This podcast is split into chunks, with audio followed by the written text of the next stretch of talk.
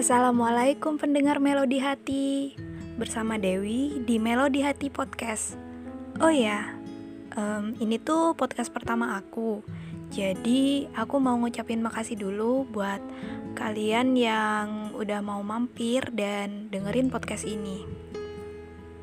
Nah, di podcast ini kalian akan disajikan dengan ojehan yang uh, mungkin bisa kalian ambil hikmah di setiap ceritanya. Selamat mendengarkan.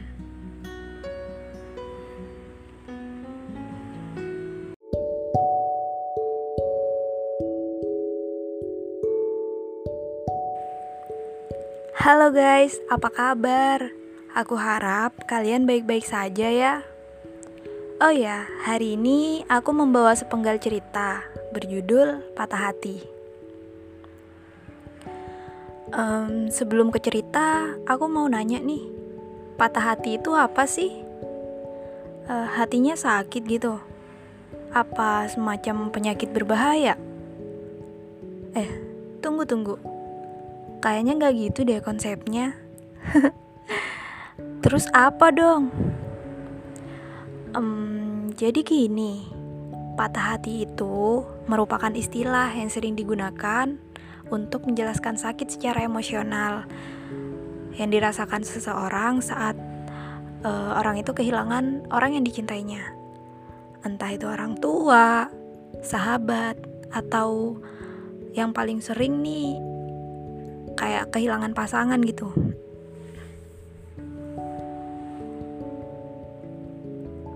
Kalian pernah gak sih mengalami patah hati?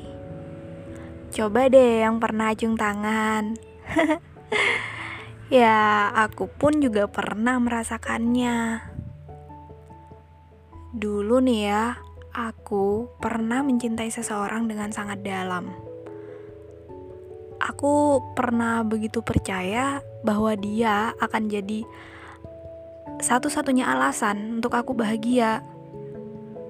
Bahkan aku selalu berdoa, meminta kepada Tuhan agar aku bisa hidup sama dia itu selamanya. Tapi ternyata aku salah. Dia yang aku kira mencintaiku dengan tulus malah ninggalin aku.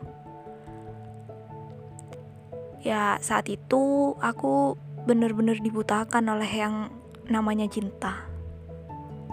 Jadi istilahnya tuh dulu aku termasuk bucin banget udah tahu ditinggal masih aja diperjuangin.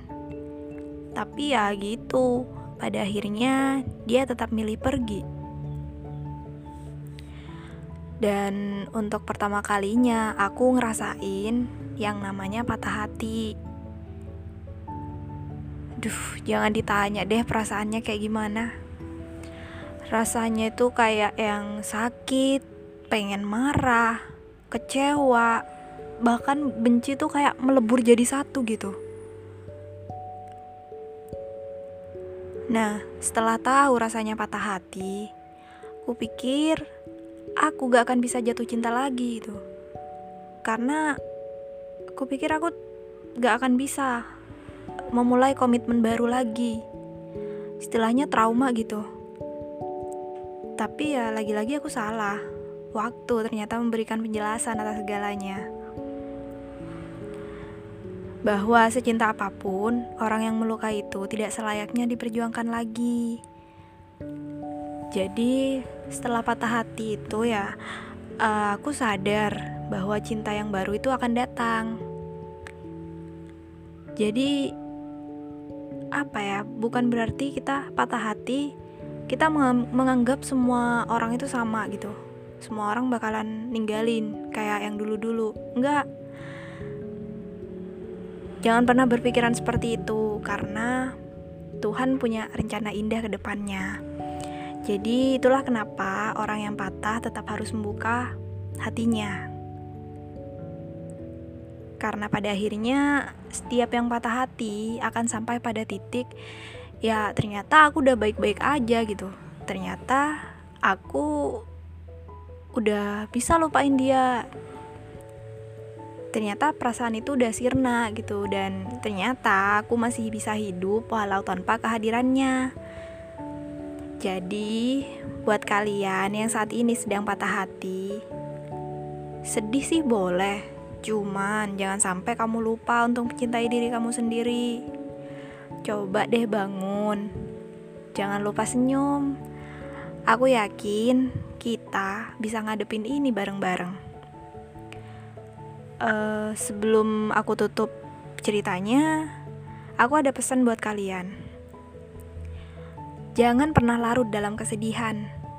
Tuhan mematahkan sebuah hati bukan tanpa alasan, melainkan untuk menjadikan diri kita lebih dewasa lagi, menjadi lebih baik lagi ke depannya, dan yakinkan dalam hati bahwa akan ada seseorang yang tulus mencintai kita dan gak akan ninggalin kita. Percaya deh. Ya, sekian cerita aku hari ini. Sampai ketemu lagi di podcast aku selanjutnya. Hanya di Melodi Hati Podcast. Bye bye.